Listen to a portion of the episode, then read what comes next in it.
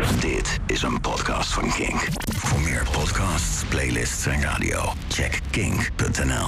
Hoi, ik ben Joy Stamfer en ik maak radio bij Kink. In mijn kleedkamer ga ik in gesprek met artiesten die ik tof vind. Ik vraag ze de kleren van het lijf en neem jou mee tijdens dat gesprek.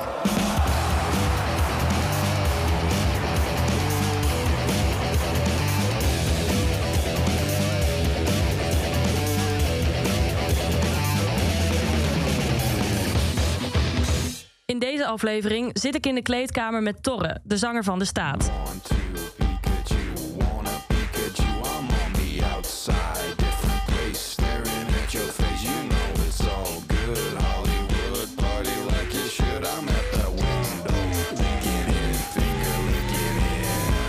Ik spreek hem vlak voor de show in Tivoli Vredenburg op 8 december.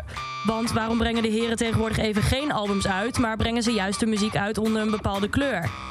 En welke videoclip is opgenomen met een iPhone? Dat en veel meer hoor je in deze aflevering van de Kleedkamer van Joy. Torre, hallo. Hi. Wat fijn eh, dat je er bent. Althans, het duurt nog even voordat je op mag. Ja, maar nog steeds fijn dat ik er ben. Nog steeds wel fijn dat je er bent, ja. Ja, gelukkig maar. Eh, want jullie zijn nou eh, eigenlijk in een beetje toch de afrondende fase van de tour in Nederland afsluiten. Ja, afrondende fase van eigenlijk de hele tour. Ja, niet eens de Nederlandse tour. Voelt, voelt het ook zo als afsluiten? Ja, nogal. Ja? Ja, zeker. Wat dan? Ah, het is een lange tour geweest. We hebben ehm, toch, eh, we hebben eerst een maand met Biffy Clyro zijn we op pad geweest. Dus in september. Dus vier weken achter elkaar. Toen hebben we daarna, zijn we nog een weekje thuis geweest. En hebben we, ehm, wat was het? Eh, eerst tien dagen enk- eh, UK gedaan. En Ierland. Die wordt er dan niet bij, hè. Eh, en, ehm, en toen waren we een paar dagen thuis. Toen hebben we drie weken West- en Oost-Europa gedaan. En nu eh, Nederland. Dus het is, eh, het is, het is, dit, dit is denk ik een van de langste aaneengesloten uh, tijd dat we aan het spelen zijn. En bevalt dat? Of denk je van nou, dat moet de volgende keer echt, echt anders? Nee, het bevalt heel erg. Nee, het, het gaat heel goed. En we worden er ook echt wel goed van, voor Ja. mijn gevoel. Dus het is altijd... het is heel tof. En ik, ik moet zeggen, we zijn heel veel van de steden zijn we al een keer eerder geweest. En elke keer als ik... Nu als ik terugkwam, bijvoorbeeld in Budapest, wist ik nog van... Oh ja, ik ben nu hier en dan herinner, je weer de vorige keer. Dan heb je zo'n déjà vu. Ja. En dan realiseerde ik me altijd... Oh ja, vorige keer was ik hier heel erg moe de hele tijd. En dat zat ik nu minder. Dus ik, eh, ik denk dat ik wat eh, beter ben geworden in toeren. Ja, toch wel? Ja.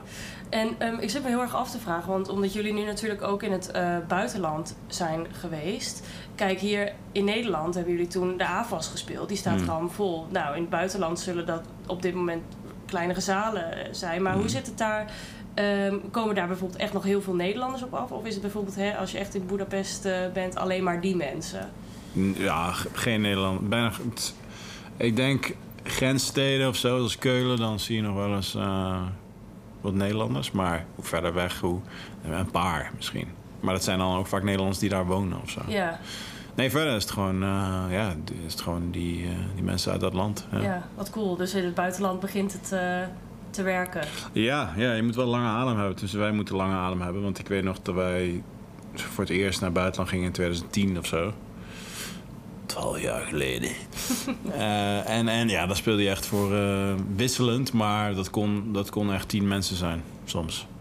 En Oh, ehm, dan kom je een keer terug en dan een keer daarna is het 30. Nog steeds te weinig, weet je wel. En dan een keer daarna is het opeens 100. En, ehm, maar we hebben, we hebben nooit echt een, een hit gehad of zo. Dus we, we moeten het heel erg altijd hebben van terugkomen. En een soort van vaste kern van, ehm, van liefhebbers die ehm, ja, mond-tot-mond eh, reclame doen eigenlijk. En, eh, en, en we zitten dan nu op het punt dat we in Londen ja, voor 800 mensen staan. En in Berlijn, eh, wat is het, eh 500 of zo. En, eh, dus dan, Het is bedoel, een het de zijn- aanhouder die wint eigenlijk. ja, ja, ja, gelukkig wel. Ja, ja. En eh, ik, ik bedoel, ik, ik, stiek- natuurlijk, ik hoop wel op. ehm, op hey! ik ben- Hallo. Hallo!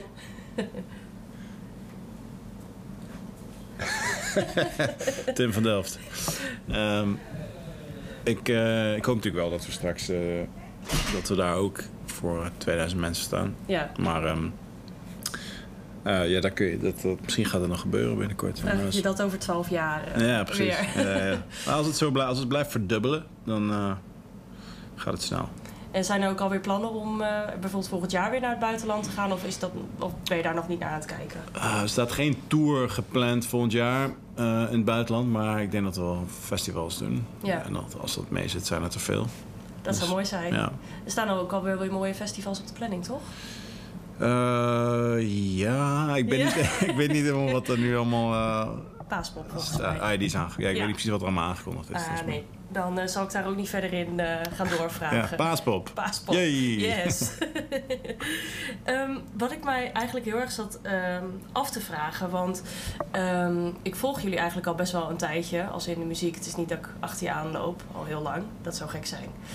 Eh, Gebeurt ook. ja. Mag ook. Ik was het niet. Oké.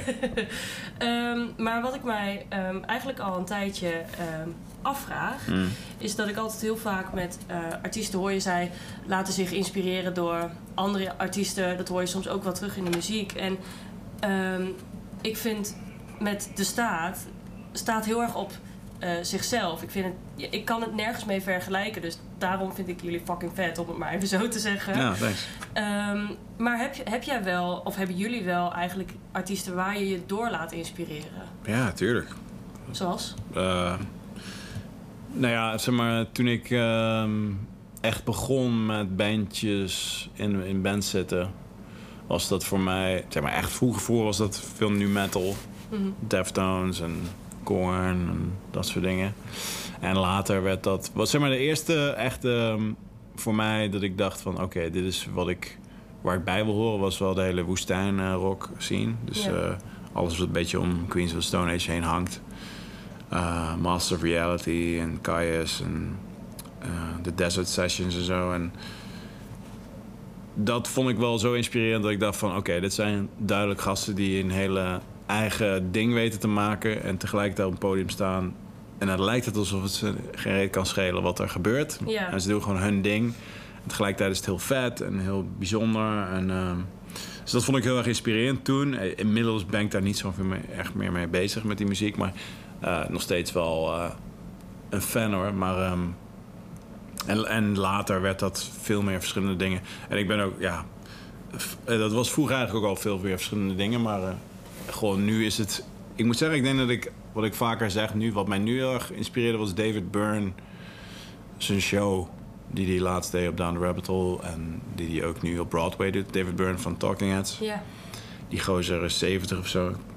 En ehm, die maakte de, de verreweg de meest unieke show op het hele festival. En dat, dat dacht ik van, oké, wow. Als hij, zeg maar, zo next level is, nu nog, zeg maar... Dan, dan vind ik dat wel erg... eh, daar kijk ik wel naar op. En dan weet ik ook veel... Inspireert me ook, want ik weet van, oké, het is dus niet... Het is niet... Het is, zeg maar... Popmuziek hangt toch altijd een beetje aan jonge mensen vast. En ook al heb ik het idee dat het wel een beetje aan het veranderen is nu, maar dat vond ik dus David Byrne vond ik verreweg de meest vernieuwende act van het hele festival. En hij was 70, dus Ja. dat vond ik wel vet om te weten dat ik ik kan event- eventueel als ik wil, kan ik wel nog even doorgaan. Ja, nou laten we het hopen toch. Ja, Dat je weet mooi nooit. Misschien stop ik wel, joh. Ja, nou ja, dan heb ik een scoop. nee, maar ehm, over ehm, unieke shows en ehm, gewoon alles eromheen. Dat is wat jullie natuurlijk ook heel erg doen. Nu eh, vooral met eh, Red, Yellow en Blue. Ehm, dat, ik heb stiekem al wel het een en ander op eh, de Instagrams van de toeren voorbij zien komen. Hmm. Ehm, maar ehm, hoe probeer je zeg maar dat elke, ja, elke tour maar weer toch vernieuwend te houden, om het maar even zo te zeggen? Ja, dat is niet altijd per se het doel, hoor. Nee? Ehm, het is soms ook gewoon een soms doe je iets wat een antwoord is op wat je daarvoor hebt gedaan. En soms bijvoorbeeld, we hadden op een gegeven moment tijd dat we daar. Want we hebben zeg maar, een aantal van die AVA-shows gedaan die op zich hele grote producties zijn. Lowlands Ja. show, onze headliner show, was, was daar ook een voorbeeld van. En daarna heb je dan toch ook alweer, vind je het dan opeens heel fijn om gewoon, gewoon tussen aanhalingstekens een rock'n'roll show te doen. Waarbij je niet zo bezig bent met de productie, zeg maar. Ja. Ehm, dus het is niet per se altijd, gaat niet per se altijd over vernieuwing.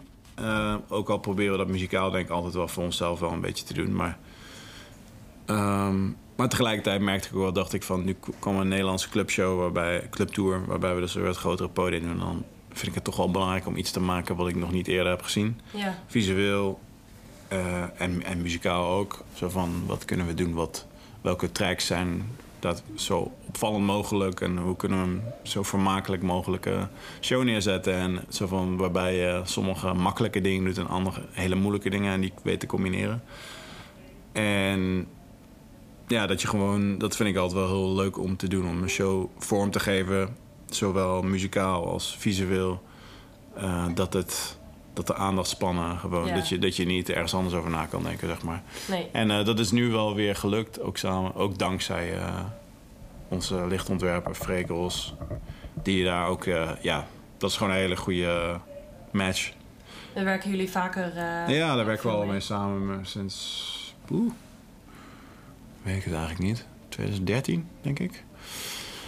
Dus, en het geldt ook voor onze eh, geluidsman, Reinier Rietveld. Die, eh, die zit ook zo erg en die weet precies wat ik doe in de, in de productie en de mix. En dat, dat probeert hij mee te nemen in de live show. En dat is, dat is heel leuk. Dus het gaat, gaat op een gegeven moment heel erg over details ook. Ja. En ik denk dat je dat voelt als publiek. Dat je, dat je dat we niet gewoon een liedje spelen, maar dat er heel veel stiekem details in zit voor de Ja. oplettende kijker. Nou, ik ga vanavond opletten. Ik kom straks kijken. Je moet wel opletten. Ja, ik ga Ja, je moet wel echt opletten. Ja, ik heb er lenzen in gedaan. dus eh, ik denk dan kan ik extra goed. eh, Ja, lenzen, lenzen zijn goed. Ja, Zeker. ja, Ja, dat- goed, in principe adviseer ik dat iedereen. Ja. Ja. ja, anders zie ik er geen reet. Oké. dat is, eh, Min, eh, min wat? Plus 4. Plus vier. Ja. Oh, ja. Als, je, als ik ze niet in had en je ziet één iemand in het publiek met de rug naar het podium staan, dan weet je dat ik het ja. ben. Dan is er iets misgegaan. Geloof of niet, dat zie ik nog wel eens hoor. Oh, echt? Ja, hoor. Wat onaardig. Vooral eh, bepaalde festivals kan dat gebeuren. Heb je, Heeft niks met ons te maken, Oh, dat denk ik dan altijd. Maar ja. het ligt een beetje aan het publiek. vind je dat dan ook niet een beetje gek als je dan ineens iemand... Het is gewoon een ander ding. Het is gewoon een ander ding. Je moet je, als je je daar gaat ergeren, dan, eh, dan is het einde verhaal. Dan Ja. eh, krijg je een kutshow. Dus eh, dan is het gewoon zo meer van... Yo, zag je die mensen vooraan gewoon met de rug naar het podium? Het gebeurt. Maar dat gaat, dan gaat het meer over het feestje. En dan gaat het niet over de, de band. Wat op zich ook wel Ja. humbling kan zijn. Nou ja, en het is ook zo, zoals nu, mensen komen natuurlijk echt specifiek hier naartoe. En met festivals zijn het sowieso ook weer ander soort Ja, mensen. je hoeft daar niet zo bang voor te zijn. Nee, dat zou wel... Tenzij je echt, echt het verneukt. Ja, maar Ja. dat eh, verwacht ik niet. Nee. Schep wel hoge verwachtingen nou, hè? Ja? Ja. Oké. Nou ja. Precies. Ehm, ik had nog ehm, ook een eh, vraag wat betreft Red, Yellow en Blue. Want ehm, je, je, jullie brengen zeg maar de muziek telkens onder die kleuren uit. Hmm. En dat gaat over, over een bepaald gevoel wat daar dan bij zit, toch? Ja. Waarom heb je bedacht van we gaan nu alleen maar onder die kleuren uitbrengen? Omdat het. ehm, ik, ik zat eigenlijk al langer te spelen met het idee, omdat ik het leuk vind. Het zorgt ervoor dat je, je, je, je dwingt jezelf, zeg maar. Beperking creëert creativiteit. Zeg maar. En dit is op een bepaalde manier een beperking, maar het is ook juist een heel erg soort van manier om de deur open te zetten. Want als je jezelf beperkt, zeg van oké, we maken nu tracks voor rood, wat in ons geval dus de wat meer agressievere kant van ons is, dan ga je automatisch ook nog agressiever schrijven. En, en denken van wat kan ik nou doen wat echt een beetje irritant agressief is, zeg maar. Mhm.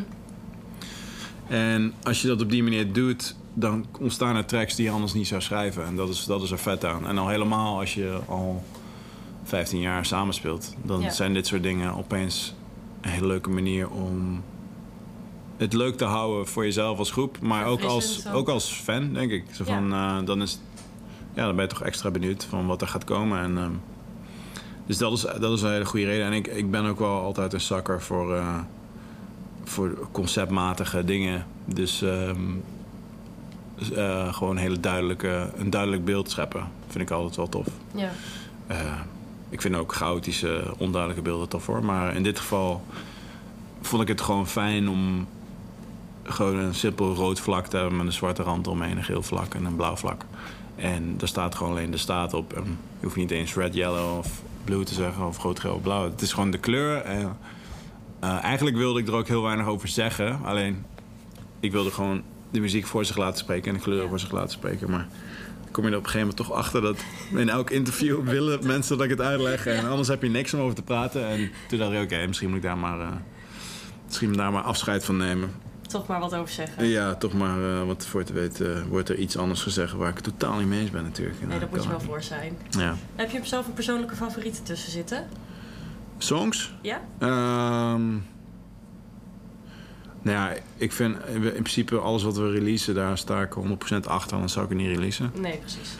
Dus het zijn allemaal favorieten. Maar dat is echt wel een beetje een eh, saai antwoord. Maar eh, ik denk dat live, live, een aantal tracks beginnen live gewoon heel erg goed zijn eh, voet in de aarde te krijgen. En dat is bijvoorbeeld Who's Gonna Be The Goat is daar wel eentje van. Die vond ik altijd al een banger hoor. Maar het is leuk dat die, dat die nu heel erg vorm krijgt ook Ja. binnen het publiek. Van mensen snappen die track gewoon heel erg. Ja, ik ehm, moet altijd heel hard lachen om de videoclip daarvan. Ja, Dus daar wilde ik eigenlijk ook nog eh, heel even met je over hebben. sure. Ja. Eh, hoe ben je op dat idee gekomen? Ik vind het echt zo geestig. Ja, dat is een goede vraag. Ik weet niet meer precies hoe het, het... Kijk, het idee is vrij simpel. Van, eigenlijk was het... ehm, ik, ik heb eerst een testje gedraaid volgens mij met een greenscreen. Want we hebben die hele, hele video zelf gedaan. Gewoon eh, voor een, een, green, een greenscreen in de studio opgehangen. Voor de mensen die niet weten wat het is. Nou, ik denk dat de meeste wel mensen weten wel wat het is, toch? En dan is Google is je beste Ja. hè?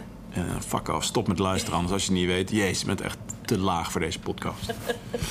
Ehm, maar eh, dus even test. Ik, het idee was gewoon eh, van wat zijn nou de, de goats? Wat, wat zijn een aantal mensen die considered de goats van de wereld? En dan ga je naar oké, sport. In welke, de, in welke het, segmenten van de wereld of whatever wordt er gedacht überhaupt in termen van the greatest of all time. Wat natuurlijk een bullshit term is, maar dat is over het algemeen in sport. Eh, alle plekken waar iconen, iconen worden verheven tot, tot goden. En, en andersom, of zoiets. Eh, maar eh, dus, dus dat is bij eh, kunstenaars zo, bij, s- ja, in principe alle sterren. Van eh, dus de beste dit, de beste dat. Dus ik ging gewoon op zoek naar allerlei... Ik dacht eerst, ah, misschien eh, allemaal beelden van dat soort mensen achter elkaar te monteren. En toen denkend dat, het- dat het misschien wel zou kunnen om, dat, om jezelf daarin te shoppen, zeg maar. En ehm, toen had, ik een testje gedraaid, had ik een testje gedaan met Rocco. En met het eerste het idee... Oh ja, we gaan, eerst was het idee, we gaan gewoon allemaal korte filmpjes maken. Gewoon voor de gein. En die pleuren, Ja. pleuren we dan op de social. En toen dan op een gegeven moment... ah, volgens mij kan ik hier wel een clip van maken. Zo eerst hadden we de Beatles gedaan. En die lukte dus heel erg goed. Ik kreeg het dus voor elkaar om... ehm, ja, om de, qua kleuren heel erg op elkaar te laten lijken. En, eh, en dat werkte gewoon heel goed. Het is fucking veel werk. En toen dacht ik, ik ga gewoon een clip maken. Dus toen hebben heb ik gewoon heel veel ehm, op zoek gegaan op YouTube. Gewoon naar geschikte momenten, geschikte mensen. Ja.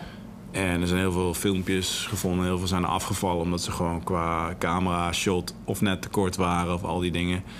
Dus heel veel. eh, en uiteindelijk een soort van montage gemaakt. En daar dus eh, elke keer dacht oké, waar kan, kan ik en Rocco in shot staan? Ja.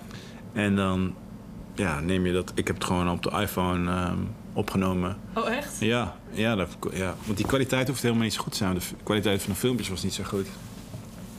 En, ehm, en dat met de greenscreen gedaan. En, en toen bleek ik er een beetje een talent voor te hebben. En daar heb ik, heb ik echt fucking weken over gedaan. Om die clip in elkaar te... Maar je hebt die ook echt helemaal zelf geëdit? ja, ik heb het zelf gedaan, ja. Oh, holy shit. Ja, ja was heel leuk om te doen hoor.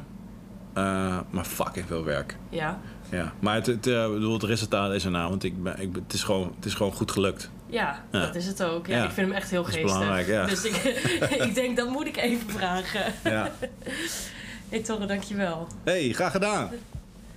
Dit was een podcast van Kink. Voor meer podcasts, playlists en radio, check kink.nl.